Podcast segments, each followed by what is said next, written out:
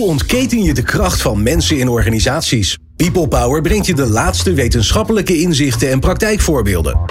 Over leiderschap en leren. Betrokkenheid en bevlogenheid.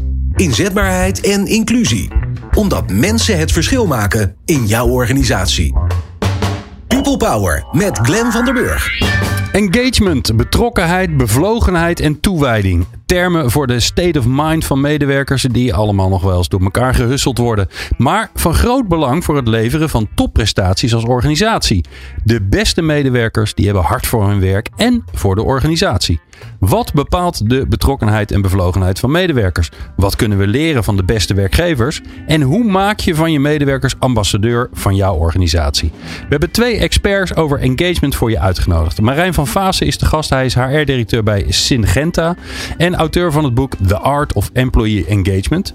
En Arjen Swank is er, senior engagement specialist bij Effectory. En die doen al jaren onderzoek naar betrokkenheid en bevlogenheid. Dus die hebben heel veel ervaring en ook heel veel mooie cijfers over betrokkenheid en bevlogenheid. Wij zijn natuurlijk bijzonder blij dat je luistert naar People Power. People Power met Glenn van der Burg. Fijn dat jullie er zijn, uh, Marijn en Arjen. Ja, um, uh, moet me eerst iets van het hart. Oh jee. Wat is er aan de hand met engagement, jongens? Het stond lange tijd bovenaan. Uh, je kon geen managementboek openslaan. En het ging wel over uh, betrokkenheid, engagement. Er moest hard aan gewerkt worden. Het kan aan mij liggen. Ik hoor er niet meer zoveel over en ik snap er helemaal niks van.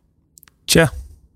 Is dat, is, dat, is dat mijn observatie dat het een beetje weggezakt is in de drukte van het werkgeluk en de, en de hype van, van agile en weet ik veel wat allemaal? Nou, geen, geen slechte observatie op zich. Ik denk dat mensen heel veel bezig zijn om te definiëren wat engagement eigenlijk is. Dus ze zijn met heel veel aspecten bezig die de engagement ja, groter maakt. Hmm. Uh, en eerst probeerden we engagement zelf te definiëren. Wat, waarom worden mensen nou engaged? Wat is hetgene wat ze het meeste drijft? Waardoor krijgen ze die extra motivatie?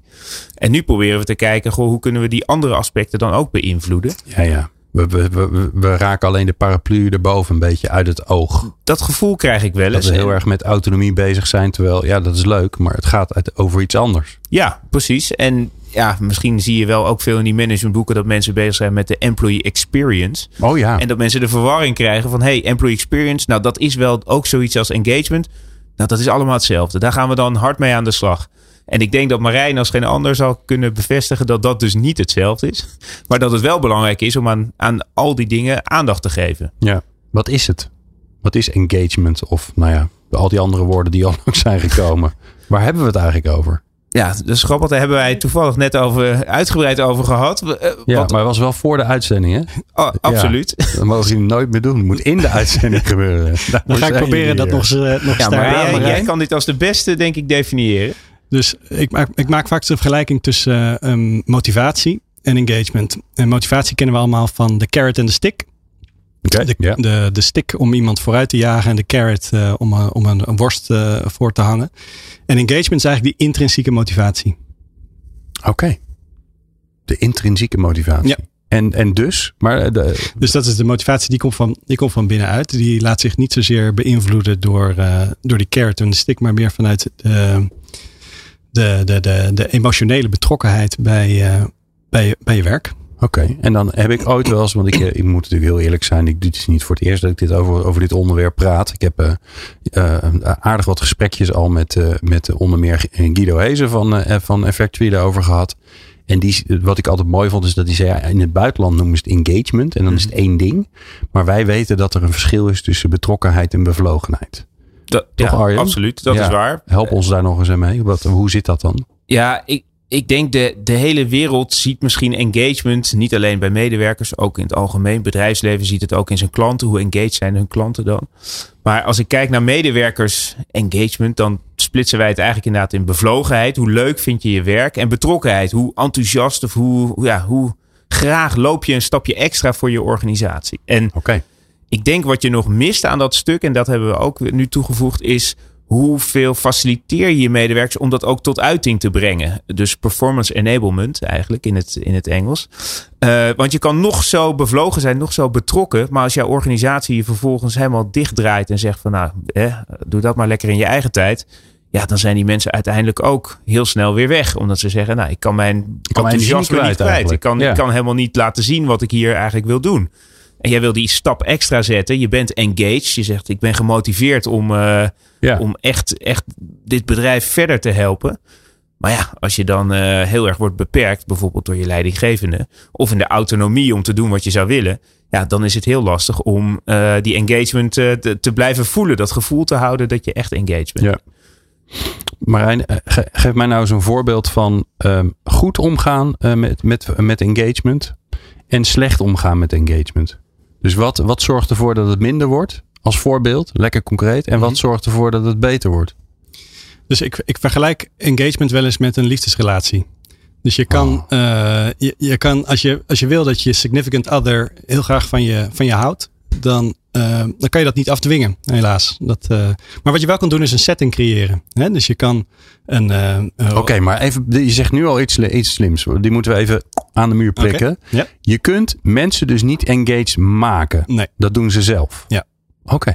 is mijn stelling. Ja, nee, Eh, ik vind hem heel mooi. dus, ja. dus mijn stelling is Ja. eh, dat, dat je je organisatie op zo'n manier kan inrichten dat je employee engagement mogelijk maakt. Net zoals dat je eh, in die relatie eh, een romantisch diner bij kaars ligt met een goed glas wijn wellicht of een, een lekker hapje eten en een goed gesprek. En dan wellicht slaat de vonk over. Dat vergroot je kansen. Ehm, vergelijkbaar ehm, kan je je organisatie inrichten ehm, om engagement mogelijk te maken. Ja, geef eens een voorbeeld. Wat, wat, moet je, wat moet je doen? We gaan later nog veel meer leuke voorbeelden. Maar gewoon dus dat we wel even een gevoel bij krijgen en het concreet kunnen maken. Dus ik suggereer dat er vijf ingrediënten zijn om, om engagement mogelijk te maken. En die hebben een bepaalde volgorde, net als de Maslow-pyramide. Eh, en die beginnen bij, eh, bij purpose. Waarom bestaat je bedrijf? Waar, Ja, maar ik voel aan dat je nu die hele, je gaat Ja, die hele trap af. niet. Ik wil Nee. gewoon een voorbeeld van je hebben. Dus wat, wat ben jij nou tegengekomen in de praktijk waarvan je dacht van nou dat is nou slim, dat werkt. En dan gaan we later wel, komen we er wel achter dat het in de, in de, in de, in de piramide van Marijn past. Wat, wat, eh, wat, wat voor mij werkt is eh, autonomie. Eh, autonomie als, als onderdeel van erkenning. Bij erkenning denken we vaak aan salaris. Salaris, geloof ik, draagt niet per se bij aan engagement. Moet wel, moet wel kloppen, moet Ja. wel goed zijn. Het is wel handig. Het is wel salaris. handig. Ja. Maar op het moment dat het beter is dan marktconform, dan na drie tot zes maanden wen je daaraan en dan is dat de nieuwe norm. Ehm, dus wat mij betreft eh, doet autonomie veel meer in dat. eh, Maar je zei autonomie als erkenning. Ja. Oftewel, ik heb vertrouwen in je. Je bent goed bezig. Ga maar gewoon doen wat jij belangrijk vindt. En dan, dat is misschien wel heel veel autonomie, maar ik- overdrijf. Dus als ik eh, vertrouwen heb, de vertrouwen is inderdaad een goed, goed, goed woord om te noemen. Ik heb vertrouwen in jou als professional. Ehm, dat ik niet de behoefte heb om jou te micromanagen, maar jou je, je professie laat, eh, laat, laat uitvoeren. Ja, alright. Ehm, Arjen, waarom moeten we het hier over hebben? Dus Over wat, wat, heb engagement? je, ja, wat heb je eraan? Stel je voor dat je een enorme engaged organisatie hebt. Al je medewerkers die zijn eh, super ge- engaged, intern gemo- gemotiveerd, Mhm. intrinsiek gemotiveerd. Wat gebeurt er dan? Nou, als, het, als het goed is, wat wij hè, terugzien bij, bij hele bevlogen, enthousiaste, engaged medewerkers, Ja. dan zul je zien dat je organisatie met minder moeite, of misschien met minder middelen, meer kan bereiken. Dus dat je eigenlijk de, de, het enthousiasme, de motivatie van je medewerkers komt vanuit henzelf en bijvoorbeeld niet vanuit de middelen die je daarvoor beschikbaar stelt. Ze zullen ook meer autonoom gaan opereren. En dat zit- heeft een, denk ik ook een relatie met wat Marijn net zegt. Dus mensen voelen zich ook meer autonoom, durven ook sneller een beslissing te nemen. Je hebt dus ook veel minder sturing nodig, want mensen zijn zelf bereid om te na te denken: hey, hoe moeten we hier nou invulling aan geven? Zelf een beslissing te nemen. Ehm, Dus ik hoor je eigenlijk zeggen, je organisatie wordt wendbaarder. ja, Je kan beter inspelen op wat er gebeurt in de maatschappij of bij de klant. Betere prestaties Ja. hoor ik eigenlijk zeggen. ja, Wat doet het met mensen? Ja. de mensen in willen je nog- organisatie? ja, nog veel langer voor je blijven werken. Oké. Dus als jij Retentie? precies. Dat, hè? Ik zit even alle HR-vinkjes, eh loop ik even af. Wat er allemaal op de, in de Nou, top ik 10 van HR staat. ziekteverzuim, Ja. Loop. Ja. En ik denk voor retentie, hè, iedereen eh, heeft inmiddels het hele The Great Resignation wel een beetje uitgespeeld over hoe, hoe we daarmee om moeten gaan. Maar de arbeidsmarkt is natuurlijk krapper dan ooit. En talent gaat sneller weg, is sneller bereid om weg te gaan. Tenzij je een omgeving creëert waar ze ja, echt excelleren, kunnen excelleren. En waar ze het gevoel hebben, hé, hey, ik kan iets met, de, met die energie, met het enthousiasme, die, die, daar kan ik mijn ei in kwijt. En het, het moeilijke vind ik soms wel, we hebben het over talenten en dan denkt iedereen meteen, dat zijn die jonkies. Of dat is Generation Nee, Z, iedereen millennials. Dat maar dat kan iedereen zijn. Ja. Iedereen is een talent binnen je organisatie. Ja. De- dus ja, je wil vooral gewoon dat mensen blijven, dat ze enthousiast zijn. En tuurlijk is, is een beetje beweging is ook gezond. Je krijgt weer vernieuwing, je krijgt nieuwe ideeën, nieuwe mensen binnen. Maar dat ze eh, ja, met heel veel enthousiasme en plezier naar hun werk gaan, zorgt voor een hele hoop voordelen. Als bedrijf, maar ook als eh, non-profit organisatie. En zorgt het er nou ook voor dat, hè, want je zei het al, die arbeidsmarkt is heel krap, het is moeilijk om aan mensen te komen. Hebben bedrijven met, met een hoge engagement, hè, betrokkenheid, bevlogenheid onder hun eh, collega's, vinden die ook makkelijker mensen? Ja, daar ben ik. Hè, en, en ook daar, daar ben ik wel van overtuigd. En zeker binnen Effective zien we dat veel. Dat deze organisaties minder moeite hebben om mensen aan te trekken. Want hun eigen medewerkers zijn de ambassadeurs naar buiten. Die zeggen, Ja, ja. dit is zo'n toptent. Hier moet je komen werken. En de grote vraag die, we, die, die veel bedrijven zich stellen is... wat moeten we nou doen zodat we die ambassadeurs krijgen? Eh, maar dan blijf je heel erg zitten in het instrumentele. Oké, eh, meer betalen of, of op vrijdag vega lunch. Of eh, we zetten overal voetbaltafels, noem je dat, eh, tafelvoetbal neer. Maar eigenlijk wat Marijn het erkent, dat is helemaal niet de sleutel naar, eh, naar, naar die eh, bevlogen en betrokken medewerkers. Dat zit veel meer in faciliteren, in het leiderschap, in het vertrouwen, eh, in de mogelijkheid om te groeien, dus in de ontwikkeling. Er zijn allerlei van dat soort meer eh, strategische overwegingen van hoe richt ik mijn organisatie in. Ja. Zodat mensen die engagement echt ook kunnen beleiden bijna. Waar gaat het mis? We gaan zo kijken naar, eh, naar hoe, hoe we zeg maar, onze luisteraars kunnen helpen om, ehm, eh, nou ja, om, om die engagement omhoog te krijgen. Wat zijn nou echt dingen die. ehm, en wat, iets doen wat het, wat het stimuleert is wat anders dan iets laten of iets weghalen wat, wat het naar beneden haalt. Want iets weghalen is eigenlijk veel makkelijker. Want dan stop je gewoon mee en dan is het geregeld. Mhm. Dus wat zie jij nou gebeuren, Marijn, waarvan je denkt, ja, dat is echt killing gewoon. Ophouden ermee. Wat absoluut killing is, is als je niet doet wat je zegt. Eh, Oh, Dus dat, dit klinkt misschien een beetje, een, beetje, een beetje makkelijk gezegd. ja. Maar stel nou dat ik zeg dat ik, ehm, dat ik eh, een heel innovatief eh, bedrijf ben. Ehm, maar in alle in de evaluatie van nieuwe ideeën hou ik vast aan criteria die al 100 jaar vastgeroest zitten om, om dat idee te toetsen. Dat is natuurlijk killing voor innovatie überhaupt. En zeg dan niet dat je een innovatief eh, bedrijf bent, want dat is absoluut killing voor, eh, voor engagement. Ja. Ja, wat ik Als je zegt dat je sustainable bent en je, en je Ja, en de directeur rijdt in een hele grote vierkante auto Snap met, eh, met twee pijpen eronder waar heel veel rook uit komt. Precies. Ja, kansloos. Ja. Ja. Ja. wat ik ook vaak nog wel tegenkom, want dit zijn altijd wel dingen dat je denkt, ja, een soort disbalans tussen wie je zegt en, en, en, en wie je bent. Eh, ik doe nog wel eens eh, bijeenkomsten bij, eh, bij organisaties en er worden dan heel veel geeltjes geplakt en zo. En ik, wat ik altijd van tevoren zeg is, als je met de uitkomst niets gaat doen of niet snel genoeg iets gaat doen, dan moet je het, kan je het beter niet doen. 100%. Want dan organiseer je je eigen frustratie. Mhm. En dat is, voor mij gebeurt dat ook heel veel, toch? Ja, nee, we hebben meer ideeën nodig. En dan, dan wordt er inderdaad een, dan wordt er een leuk event georganiseerd. Of een hackathon, is superleuk. Dan komen er heel veel ideeën. En daar wordt gewoon geen flikker mee gedaan, omdat iedereen zo druk is. En dan kan je volgens mij beter zeggen, jongens, het is heel druk. We vinden het wel belangrijk, maar we hebben er gewoon geen tijd voor. Dus we doen het niet. Precies. Toch? ja, wat mij betreft het belangrijkste aspect. Ik denk ook dat je veel ziet dat organisaties oproepen aan hun medewerkers om vooral veel te delen. Om dan vervolgens niks meer terug te geven. Dus ja, dan heb jij al je ideeën misschien wel in een, in een ideeënbox gestopt. In de meest oldschool versie. Nou, daar zie je dan meestal helemaal niks van terug. Dan is het idee er meer van, hè, we hadden die ideeënbox. Dan kan je het altijd eh, laten zien. Kijk, en in de toekomstige tijd, laten we het even versnellen naar wat wij bij Factory natuurlijk veel zien.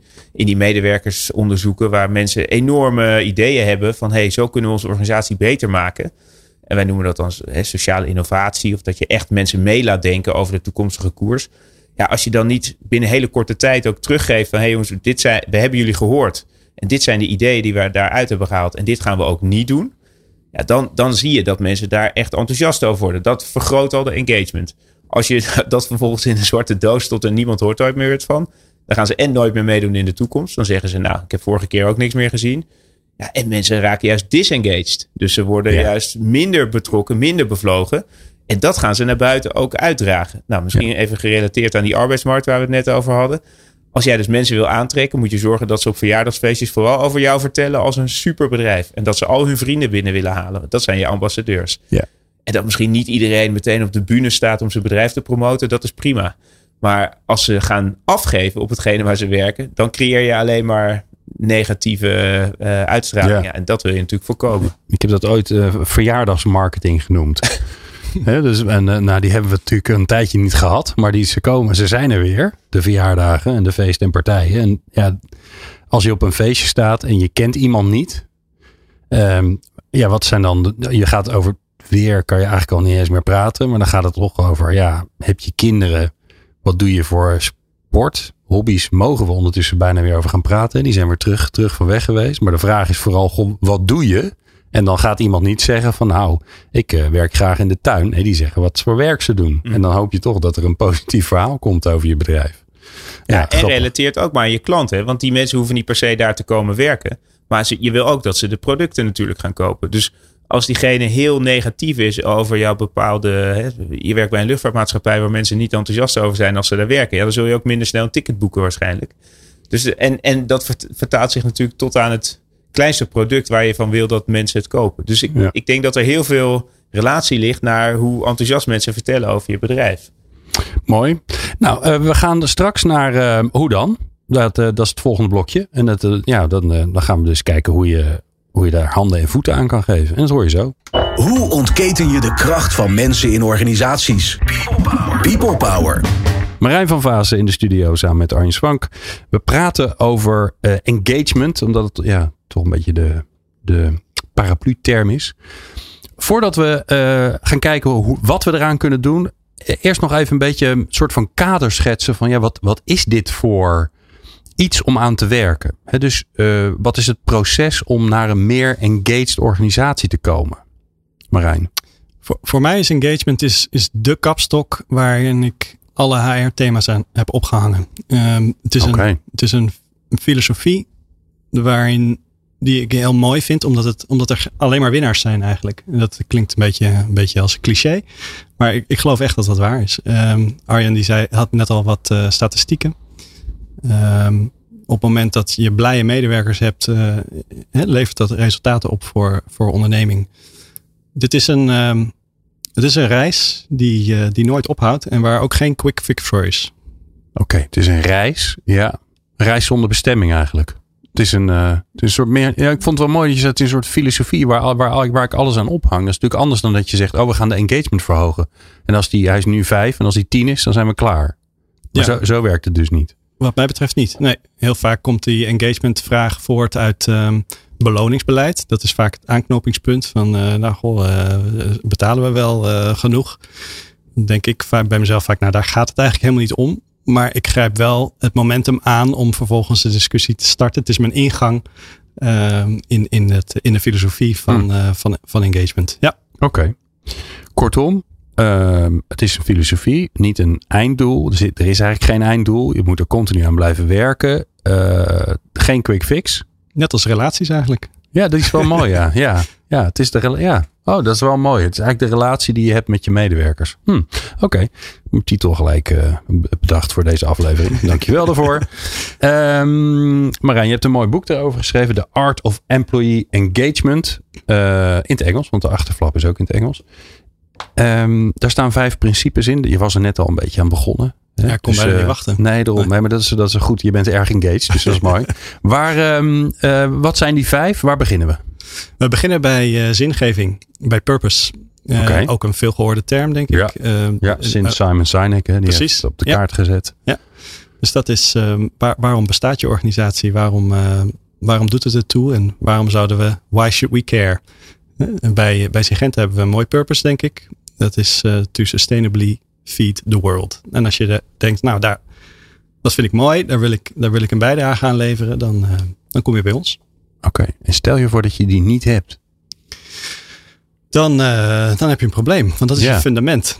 Da- da- dan moet je daar toch mee beginnen. Ehm, want je kan moeilijk met het laatste ingrediënt wat te maken heeft met continuous learning en beginnen als, je, als dat fundament niet, nee, niet staat. Want het is de weg waar het is, het is de richting van alles wat je doet. Uiteindelijk, ja. En het verhaal waarvan je hoopt dat mensen het vertellen. Ja. En stel je voor dat je hem wel hebt. Maar hij is een beetje, hij ligt ergens, uh, hij staat ergens nog op een steen in het gebouw ingebeiteld. Want ja, de oprichter van het bedrijf, eh, dat was uh, het leidmotief van, uh, leidmotief van haar. Daarvoor is ze dat bedrijf begonnen.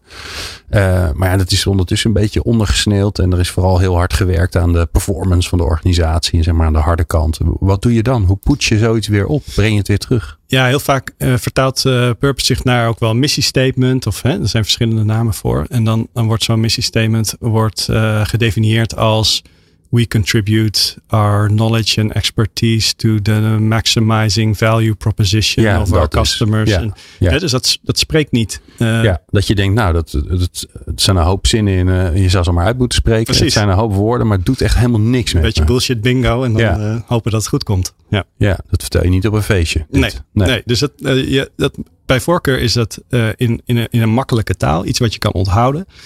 Iets wat, wat spreekt. Iets wat je met trots aan familie en vrienden vertelt op een, uh, op een barbecue. Ja. Ja. Ja. En als je het niet kan onthouden, ja, dan, dan is het al mis. Hè? Dus Ja. dan, dan is dat al vast een teken dat je ermee aan de slag moet. Nou, en ik denk, Glenn, misschien als Ja. ik mag aanvullen. Jazeker. Een hele hoop organisaties hebben in de afgelopen twee jaar van de pandemie voor zichzelf afgevraagd: wat is ook alweer, waarom ben ik eigenlijk op aarde? Waarom Ja. ben ik hier En eigenlijk? ik ben geen vitale sector. Shit. Ik ben eigenlijk eh, niet nodig. precies. Daar begon de eerste vraag. Wat, wat doe ik hier eigenlijk als ik niet gesteund word? Want ik, doe, ik hoor er niet bij. En ja, daar zit al heel veel eh, positieve ontwikkeling, denk ik. Juist dat organisaties weer nadenken van... hé, hey, wat... Niet alleen voor hun medewerkers, ook voor hun klanten, voor de rest van de wereld.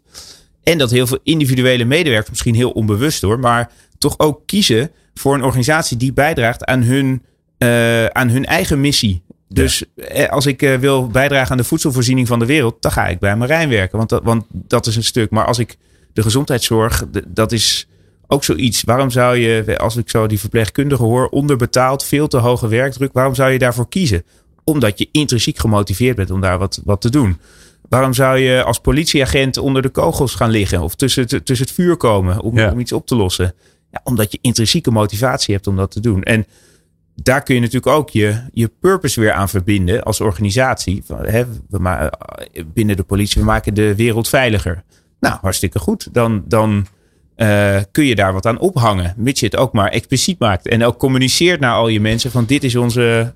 Nou ja, dat, ik kan me voorstellen dat dat de uitdaging is waar veel eh, van onze luisteraars mee zitten. Die denken, ja, we hebben best wel een mooie purpose. En die hangt ergens aan de muur. En eh, we communiceren erover. Maar ja, hoe, hoe, hoe zorg je nou dat het echt levend blijft? Dat het, dat het ook. Dat het, het is mooi dat het één zin is, maar er moet natuurlijk een soort rijkheid van verhalen omheen zitten. Dat als iemand op dat verjaardagsfeestje zegt van ja, dat is een mooie zin, maar hoe dan?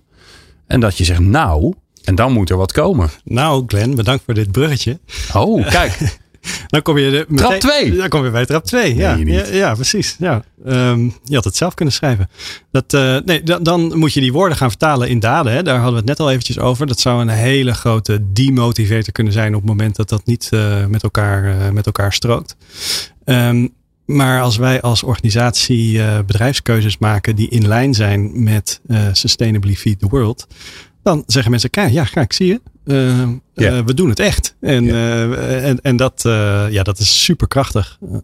Ja, dus dat is twee. Dat is En hoe heet twee? Welk, welk stickertje moeten we erop plakken? Connection heb ik hem genoemd. Connection. Ja, Oké, ook dus, wel cultuur. Ja, Ja. oké. dus de eerste is purpose. Ja. De tweede is connection. Ja. Oké. Dan nummer drie. Contribution. Oké. Die moet je even uitleggen. Ja. Dus de eerste twee zijn meer organisatorisch van aard. En de laatste drie hebben meer betrekking op het, op het individu. En contribution ehm, doet twee dingen. Enerzijds maakt het duidelijk hoe mijn toegevoegde waarde van het individu bijdraagt aan het grote geheel. Dat is belangrijk. Waarom doet mijn werk ertoe? Mensen willen dat weten. Ja. En anderzijds is contribution heel belangrijk, want aan de voet of aan de ten, aan grondslag van nagenoeg ieder conflict ligt role clarity. Ja, dus, dus die contribution die doet twee dingen. Die voorkomt conflict en draagt bij aan ehm, waarom jouw job ertoe doet. Ja, ja. Dus, dus eh, die purpose is heel mooi. Maar als je vervolgens geen idee hebt uh, oh, dan moet ik het goed zeggen. De, de purpose is heel mooi. Dan moet wel uh, de daden van de organisatie, die moeten in het licht van die purpose kloppen. Dus als, als Shell heeft nu allemaal van die mooie commercials op tv dat ze zeggen: wij zijn ook van de duurzame energie hoor. Joehoe. En wij helpen mee. En we, oh, we moeten het samen doen. Hartstikke goed. En dan als vervolgens dan weer ergens iets in de fik vliegt of ze leveren, uh, ze kopen even voor weinig, uh, kopen ze wat Russische olie op. Dan denkt iedereen: ja, dank je de koekoek. En iedereen die bij Shell denkt, denkt, oh shit, daar ga ik weer op alle verjaardagsfeestjes. dat is niet. Um, maar jij zegt ook, uh, ik moet als individu snappen wat mijn bijdrage is aan dat hele grote ding. Zeker als je bij een hele grote organisatie werkt. Ja, en voor sommige rollen en is dat meer abstract. Hoe doe je dat dan? Want als, het kan best ingewikkeld zijn als jij uh, bij de boekhouding werkt. Ja, ja dat is, dat is uh, lang, niet, uh, lang niet altijd gemakkelijk. Kijk, wat je vaak ziet bij, bij, bij een salesorganisatie is het vaak heel, heel duidelijk. Hè? Maar bij de, bij de stafafdelingen dus onder andere HR is het soms, uh, is het soms lastiger om, om, ja. om, die bijdrage. Is dat vaak meer abstract? Ja, en hoe je daar duidelijkheid in kan, uh, kan, kan brengen, zal je volgende vraag zijn. Is, uh, ik hoef niks te doen. Zo makkelijk werk. Nee, ik denk, je leidinggevende speelt daar een belangrijke rol in. Om, om ook die, die grotere context te schetsen. Kijk, jij doet nu dit. En, en, en uiteindelijk levert dat een bijdrage aan dit. Ja. Wat weer toevoegt aan dat. Hè? Dus het, ja. Op, op die manier. We hebben er drie gehad, maar die leidinggevende komt langs. Die ga ik er even bij halen. Uh, Arjen, ja. wat is de rol van die leidinggevende? De direct leidinggevende, zeg maar je, je baas ja, of je manager je, of je teamleider. Ja, ik denk dat die dus, dat verschilt per niveau. Dus, dus je begint bij de teamleider of de teamlead of je, of je afdelingshoofd of ik weet niet hoe al die verschillende hippe termen tegenwoordig heten. Maar uh, die draagt bij aan jouw begrip van waar je, hè, waar je aan bijdraagt. Dat is het tactische niveau. En die zorgt dat je ook meewerkt in, de, in het grotere geheel van de strategie. Dus die, als het goed is, begrijpt die waarom we doen wat we doen. En wat je bijdrage is. Dus die kan dat vertalen. En vervolgens geeft hij jou, ja, die schets voor jou het kader binnen waar jij kan opereren. En die geeft je feedback. En die erkent dat je bepaalde dingen gedaan hebt. Dus ja, positieve erkenning. Ja. Uh, heeft, die, heeft die leidinggevende niet een aantal jaar gewoon in het verdomhoekje gestaan? Uh, uh, zelforganisatie, zelfsturing. Nou, jullie doen er zelf ook aan bij Factory. Ik heb er nog ja. eens een keer een half boek over geschreven. Um, in heel veel gesprekken die ik voer, komt die direct leidinggevende weer terug. En het enorme belang van die direct leidinggevende. En die zijn er natuurlijk nog heel veel. Dus moeten we die niet weer een beetje opwaarderen en weer een beetje zelf en weer een beetje in het in, ja, dat, in, dat denk het licht ik wel. zetten. Ik denk dat je een heel goed punt hebt. De leidinggevende was heel negatief, omdat hij vaak micromanaged en input gestuurd aan het, aan het organiseren was. En door corona en de hele thuiswerksituatie werden veel managers toch ja, eigenlijk gedwongen om output gestuurd te gaan werken. Dus wat, niet datgene wat je, wat je aan uren bijgedragen hebt, maar juist hetgene wat je hebt opgeleverd, daar ga ik je op beoordelen. Nou, die transitie was natuurlijk heel ingewikkeld. De eerste zes maanden raakte iedereen in paniek. Maar langzaam zijn we eraan gewend. En twee jaar later zie je toch dat het best wel goed gaat en dat het kan. En in, in de hybride vorm hoeven we ook niet meer te weten wie wanneer waar werkt. Maar mag iedereen zeg maar even in de toekomst vanaf overal werken. Uh, als je je werk maar af hebt. En wat is dan belangrijk?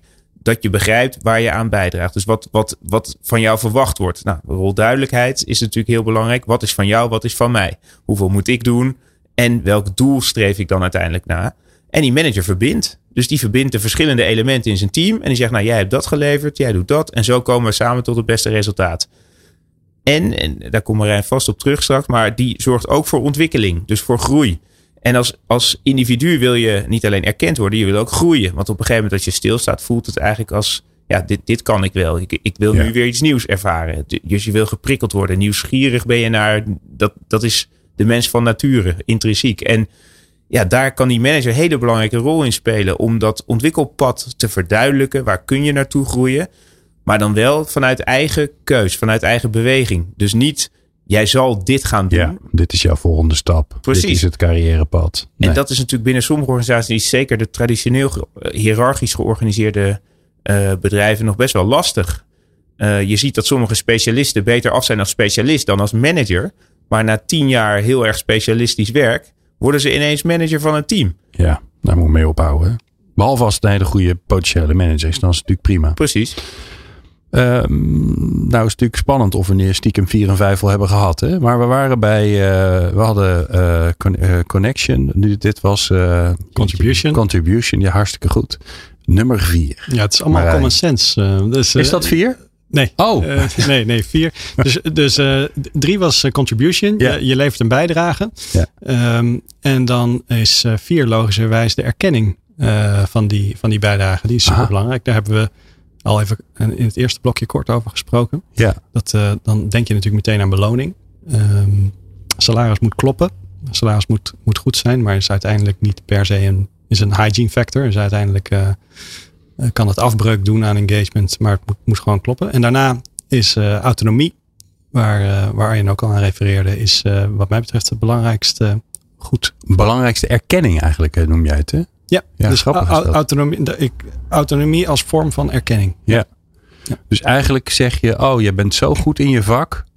Uh, je krijgt meer ruimte. Ik laat jou met rust. Ja. Ik laat je met rust. Ja. ja. Ja, grappig is dat. Maar je zegt eigenlijk ook ja, dat, dat meer salaris, waar toch nog heel veel HR-mensen mee bezig zijn, namelijk die hele beoordelingscyclus en krijgt iemand dan een, een 1, 2, 3, een 4 of een 5 of een 1.1 of een, nou ja, hè, dat helemaal. En is dan het gevolg dat je 1, 2 of 3 procent erbij krijgt of dat je misschien zelfs wel in het verdomhoekje terecht komt. Daarvan zeg je eigenlijk van ja, dat heeft niet zoveel zin. Dat motiveert mensen helemaal niet. Nou, ik, uh, je zegt het denk ik expres gechargeerd, maar uh, um, nee, het moet wel kloppen. Hè? Dus die 1, 2, 3 procent, eh, als het goed is, corrigeert dat voor inflatie. En, en zorg je dat je bijblijft. En zorg je dat het een en ander fair en, en, en transparant is. Ook in. Kijk, het moet intern cons, cons, consistent zijn ja. en extern competitief. Ja. Um, intern consistent, dat, je, dat het salarishuis klopt. Hè? Dat je, dat je uh, verschillende rollen uh, hebben verschillende uh, bijdragen. Ja, nee, maar je gaat natuurlijk met die boarding ook een verschil maken tussen collega's die ongeveer hetzelfde doen. Precies. En de een doet het beter, die krijgt dus meer, iets, nou ja. echt belachelijk weinig meer. Ik bedoel, waar hebben we het over? Het scheelt meestal een paar tientjes of 100 euro per maand. Uh, dan die ander. Maar heeft dat dan nog zin? Of zeg jij, hou daarmee op. Uh, stop die tijd en die energie in, in, het, in het echt waarderen van je, van je, van je collega's. Op meer op vakinhoud en meer op de ruimte die ze krijgen? Of, uh... Ik denk het moet allebei.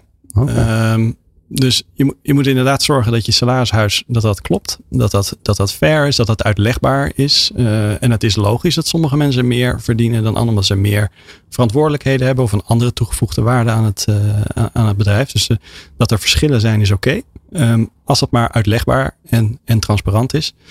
En daarmee zeg ik, als dat dan allemaal geregeld is en dat klopt, en daar hebben we ook uh, jaarlijkse cycli voor en uh, heel de, de, de, de song en ja. dance.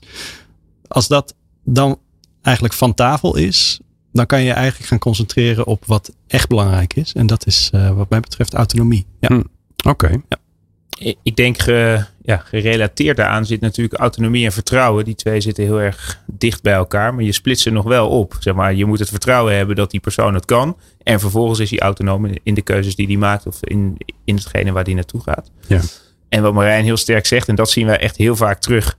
Zeker in, in de uh, mensen die vragen: kunnen we iets opnemen over beoordeling in onze onderzoeken?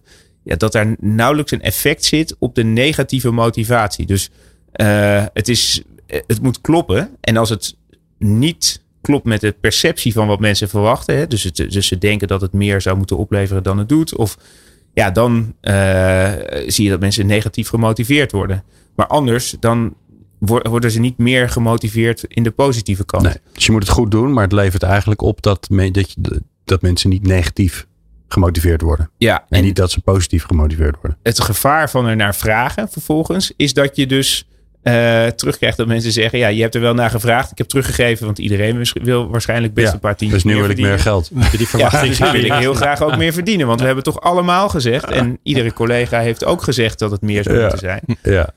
Dus dat is natuurlijk het gevaar dat je dit onderwerp ligt ook best wel gevoelig. De, ja. En Ja. Ja. als het kloppend is en je bent er transparant over. En ik denk dat daar heel veel zit in, de belonings, eh, in het beloningsstuk. We zijn daar nog heel gesloten over. Terwijl hoe transparanter, hoe makkelijker het dus ook is. Dan, ga je, dan hoef je niet te vergelijken. Want je Ja. weet dat het klopt. En als je kunt laten zien dat je een moeilijk jaar hebt gehad, zal iedereen begrijpen dat ze er niet, eh Niet een meteen 10% centen bij krijgen. erbij op krijgen. Nee, Maar, de, maar andersom ook. ja, en Topjaar hebt gehad, dan, eh, dan verwacht je dat je daar wat voor terug ziet. ja, sterker nog, dan ben je te laat, toch? Eh, Dan mag je best wel proactief denken. Ja, jezus, we hebben zo'n fantastisch, hè? Albert Heijn, fantastisch jaar gehad. Nou, die moeten natuurlijk gewoon even ruimhartig voor hun, eh, voor hun medewerkers zijn. Nou, je moet- doe je dan op, op eh, vast salaris of variabel?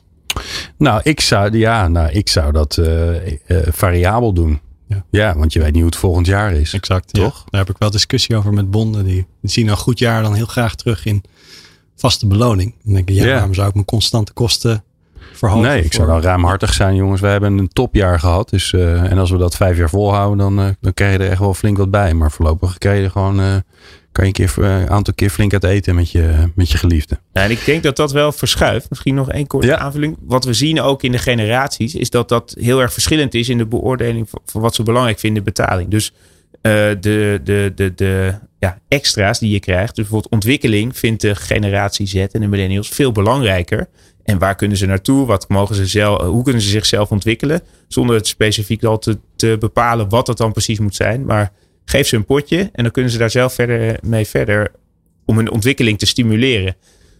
En ik denk dat dat veel meer is waar bedrijven over na moeten denken. Hoe gaan we invulling geven aan de behoeften? eh, veel meer dan het vaste salariscomponent. Nummer vijf. Nummer vijf is de, De laatste. laatste. Ja, Spanning dat en is, growth. Growth. Ja. En wat versta je onder growth? Growth. Wat moet er growen? Growth is je, ja, waar je vaker podcasts over hebt ge- gemaakt, is eh, continuous learning. Oké. En dit, hier heb ik altijd veel discussie over. Want de ene, eh, uit de heel veel van die, van die, van die onderzoeken komt altijd hè, dat mensen belangrijk vinden mogelijkheden om zichzelf te ontwikkelen enzovoort. Ehm, en vervolgens zijn die ontwikkelingen, er, da- die, die mogelijkheden er dan. En dan maken relatief weinig mensen er gebruik van. Dus wat is dat voor raars? Willen mensen het echt of hebben ze geleerd dat ze het moeten willen? Ja, ik, ik ben daar vrij eh, uitgesproken over. Nou, dat is fijn. dat is altijd fijn. Ja, aan de ene kant. Nee, ja, ik ben benieuwd. Nee, eh, dus ik, ik geloof niet zo in de menukaart eh, van, van, van, van ontwikkeling. Ik, ik heb ook hier wel eens horen vallen die 70, 20, 10. Nou, daar geloof ik ook heel erg in.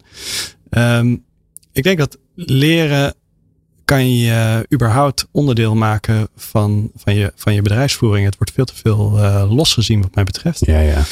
Uh, op het moment dat je uh, een bepaald strategisch doel hebt als organisatie, komen daar allerlei initiatieven uit van, van, al, van alles wat je moet om, om dat vijfjaren plan te, te halen. En daarmee heb je een legio aan projecten waar, waar iemand iets, iets mee moet. En eigenlijk word je daar een soort matchmaker van aan de ene kant heb ik al deze projecten die bovendien mijn organisatie uh, verder helpen.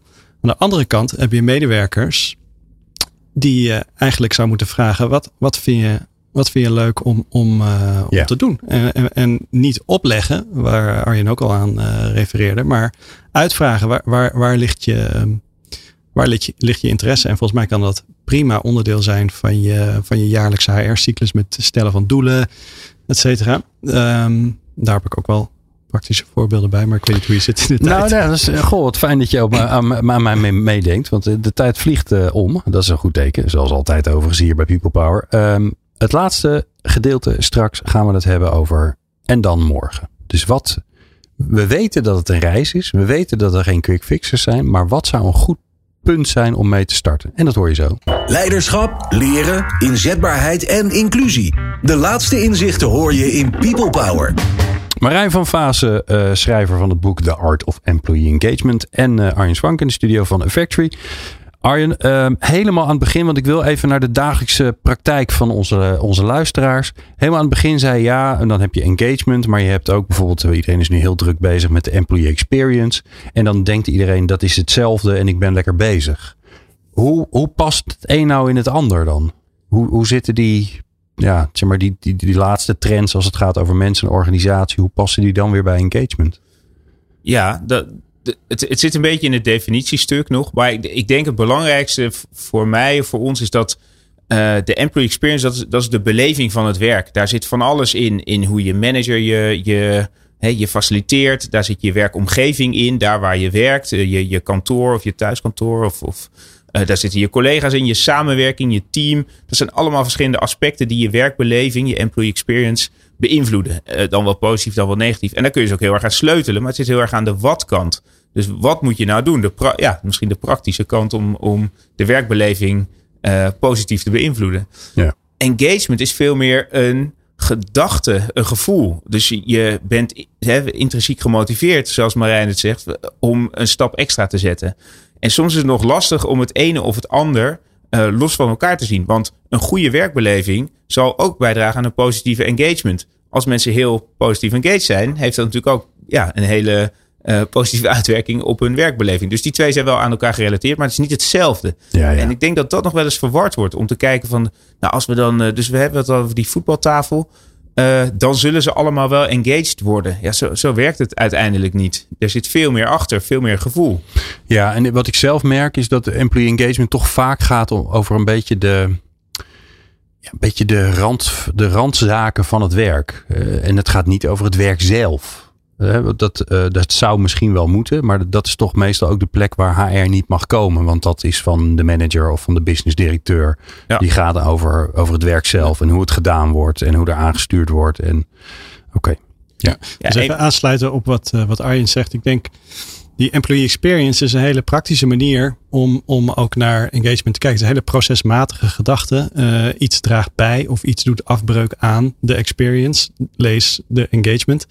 Uh, uiteindelijk het doel om een employee experience traject te starten of op een employee engagement reis uh, te, te beginnen is hetzelfde. Hè? We willen uh, bevlogen medewerkers die productief zijn, die laag verzuim hebben, die met een laag verloop. Dus uiteindelijk denk ik de employee experience een heel, heel praktisch middel om vanuit een soort procesgedachte um, uh, engagement uh, handen en voeten ja. praktisch te maken. Nou, dat is wel een goede van mij. Want we hebben nog een paar minuutjes. Dus laten we um, wetende dat uh, engagement dat dat een soort reis is. We zijn nooit klaar. morgen is het niet geregeld. Dat is onmogelijk. Volgend jaar ook niet. Hè? Dus je moet je langzaam aan bouwen. Wat kun je doen om te beginnen, Marijn? Dus, dus ik denk alle vijf de ingrediënten zijn even belangrijk voor een organisatie. Maar niet alle vijf zijn even belangrijk voor alle medewerkers. Het kan best wel zijn dat een medewerker heel veel waarde hecht aan purpose. Um, en weer minder uh, zit aan die beloningskant bijvoorbeeld. Mhm. Of, of andersom. Hè. Dus dat, uh, dat is nagenoeg uh, maatwerk.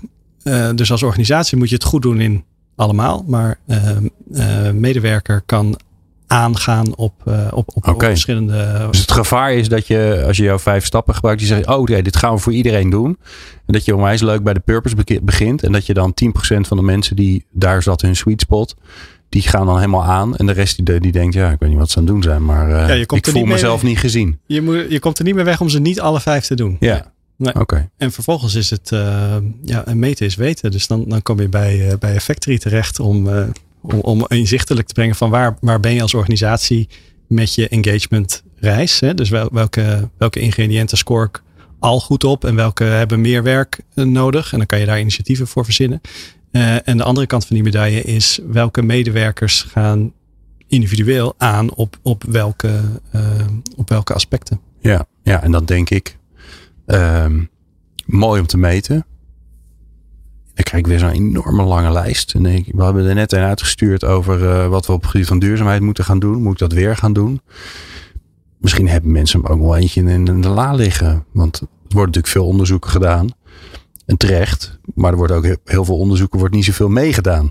Nee. Is dat ook niet een plan om eens gewoon eens te kijken? Ja, uh, daar hadden we het aan het begin aan van wat, wat, wat is nou absoluut killing uh, om, Ja. om, om, om engagement uh, uh, de kop in te drukken. Dat is uh, niet doen uh, wat je zegt dat je gaat doen. En, en, en een survey afnemen en daar vervolgens niks mee doen. Uh, is ja, dodelijk. Is dodelijk, ja. Ja. Zie- zien jullie dat ook?